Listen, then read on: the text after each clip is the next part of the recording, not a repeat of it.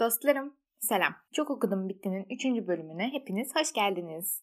Bu bölümün başında yine aşırı heyecanlıyım, aşırı mutluyum ve bu aşırı heyecanlılığım büyük ihtimalle bundan sonraki bütün bölümlerde de devam edecek. Çünkü bu çok güzel, çok iyi bir şey. yani modum düşük olacağına hep böyle heyecanlı olalım değil mi arkadaşlar? Hep pozitif kasalım, oley. Her şey çok güzel, harika. Böyle devam edelim. Neyse, Şimdi üçüncü bölümün kitabından bahsetmeye başlayayım size yavaş yavaş.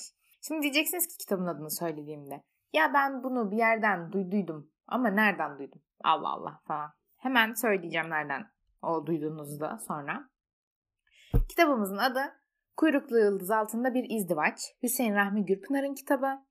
Ee, ve nereden duydunuz onu da söyleyeyim size. Edebiyat dersi. Evet, eğer bir süre edebiyat dersi görmüş biriyseniz büyük ihtimalle bu kitabın ve bu yazarın adını duymuşsunuzdur. Çünkü kendisi böyle önerilen ilk zamanlarda olan kitaplardan Cumhuriyet döneminin yani Cumhuriyet değil de işte o şey o zamanların yavaş yavaş modernleşmeye başladığımız zamanların bir kitabı 1912 yılında yazılmış. Ee, yazardan bahsedeyim önce.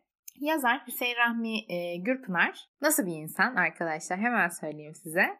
Ailesi Babası sarayda önemli bir şahsiyet kendisi.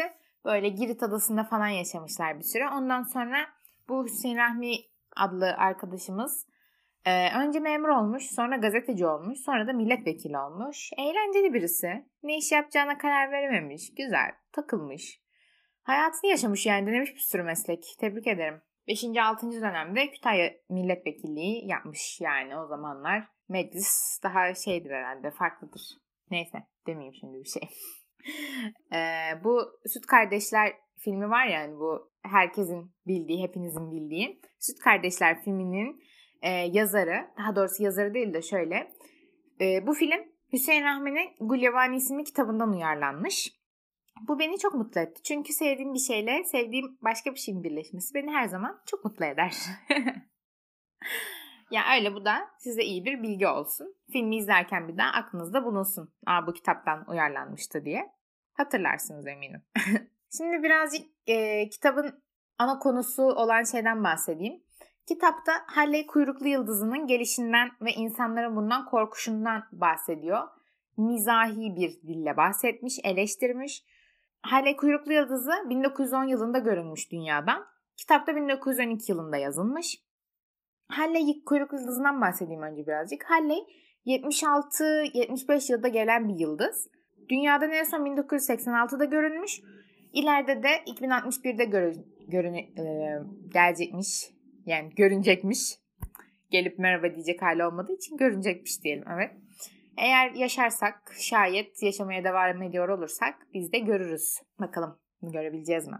Ee, Halley kuyruklu yıldızı Böyle çok uzun zamandır da hani insanların hep dikkatini çeken iyi veya kötü şansa savaşlarda e, anlamlandırılan bir yıldız da olmuş aynı zamanda. Bu İstanbul'un fethinde falan da işte İstanbul'un fethinin Türklerin kazandığını Halley kuyruklu yıldızının uğruyla olduğuna falan inanılıyormuş. Bu da enteresan bir bilgi. Şimdi kitaptan bahsedeyim size hemen.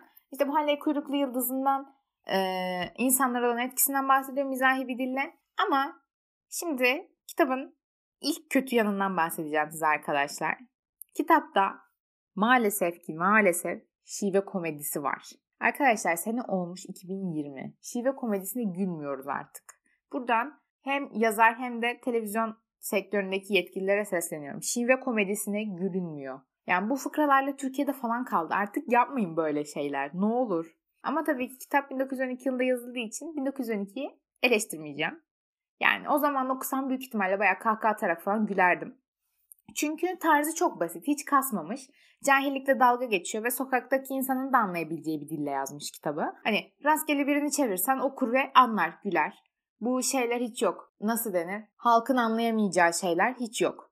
Ama tekrar bir kötü yanına gelelim bu güzel yanından sonra. Eski kelimeler çok fazla. Yani kitap sadeleştirilmiş 1912'den sonra 1986 yılında sadeleştirilmiş yanlış hatırlamıyorsam. Ama yine de çok fazla ki ben hani ne bileyim böyle e, bir mukabele olsun böyle ne bileyim değişik şatafatlı sözleri severim kullanmayı böyle. Şov yapmayı severim öyle sözlerle. Ona rağmen bana bile çok geldi. Ee, size bir örnek vermek için şu cümleyi okuyacağım. Yani tabii ki kitabın bütün cümleleri bu okuyacağım gibi değil. Ben hani abartmayı sevdiğim için birazcık en şey cümlelerinden birini aldım. Ağır cümlelerinden birini. Ağır değil de en e, aşina olmadığımız sözcüklerle olan birini aldım. Hemen okuyorum. Bir iki lakırdı söylemeye niyet etmişken o ila bir talime söylemeye muktedir olamadı. Ne? Yani siz anladınız mı ilk seferde ne demek istediğini? Ben anlamadım. Yani kitabın birkaç yerinde böyle sözlü kaçmam gerekti. Yani beni çok rahatsız etmedi. Sonuçta yeni kelime öğrendim. Yeni şeyler öğrendim. Günlük hayatımda kullanırım belki ben bunları. yani duyarsınız herhalde. Ee, bunları göz önüne alırsanız güzel bir kitap. Yani şive komedisini olur idare ederim derseniz ve bir iki kere sözlü kaçmayı kabul ederseniz güzel bir kitap. Şimdi kitabın konusuna geliyorum. Teknik kısmından çıkıp. Kitapta İrfan diye bir ana karakterimiz var arkadaşlar. Bu İrfan 20. değil 30. sayfadan sonra olaya dahil oluyor.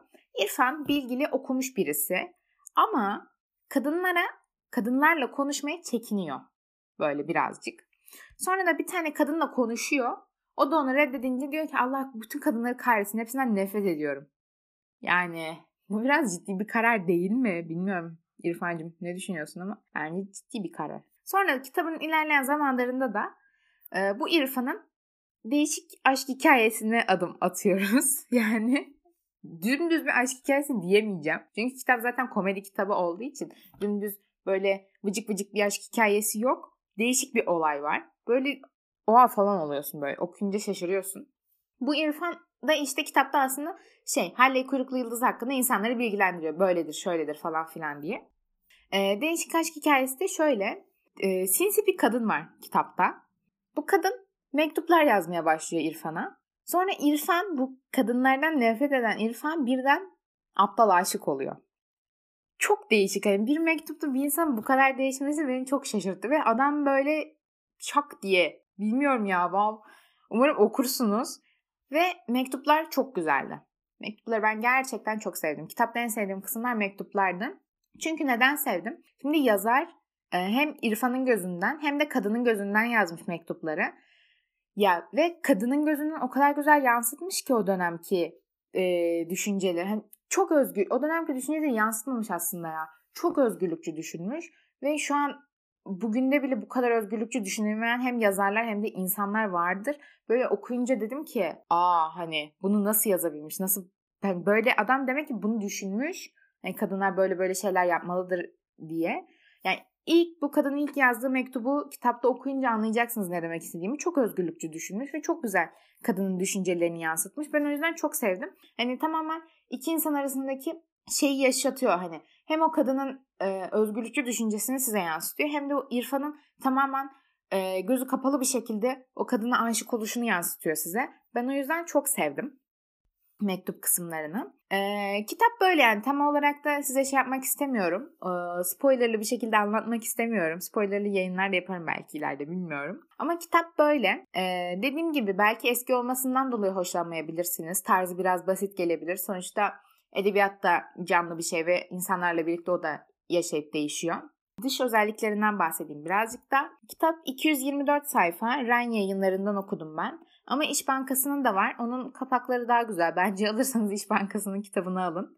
Yani tabii kitabı kapağına göre yargılamak istemeyiz arkadaşlar ama eğer aynı kitapsa da kitaplığınızda daha güzel duracak kitabı tercih edin. Yani ben bunu iki sene önce fuardan almıştım. Kitap fuarından. Ee, o şekilde üçüncü bölümü noktalarken böyle kuyruklu yıldız altın kuyruklu yıldız altında bir izdivaç kitabını inceledik. Hüseyin Rahmi Gürpınar hakkında bilgilendik. Halley kuyruklu yıldızını hayatımıza kattık 2061'de. Umarım hatırlarız bunları. Bir de ben şey düşündüm. Şimdi bu insanlar e, 1910'da işte dünyanın yok olacağına inanmışlar ya aslında çok komik bir şey.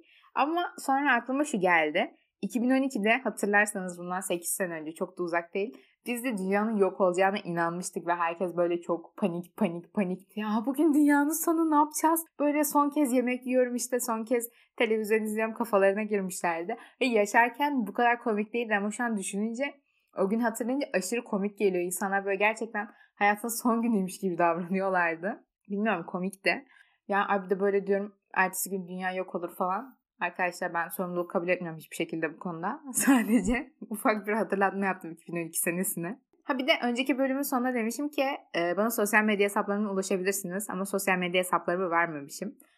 Ama bugün de vermeyeceğim. Çünkü daha podcast'te bir sosyal medya hesabı açmadım. Açar mıyım bilmiyorum. E, bana kendi kişisel sosyal medya hesaplarına ulaşabilirsiniz. Ama onları da vermeyeceğim arkadaşlar. Arayan bulur. Beni hangi platform üzerinden dinliyorsanız takip ederseniz sevinirim. Ee, kitap okumamı istediğiniz kitapları bana iletirseniz, söylerseniz çok mutlu olurum. Onları okuyup incelerim. Beraber konuşuruz. İleriki bölümlerde konuk da almayı düşünüyorum. Böyle. Üçüncü bölüm bitti. Bu kadar. Kendinize çok iyi bakın. Bol bol kitap okuyun. Hoşçakalın.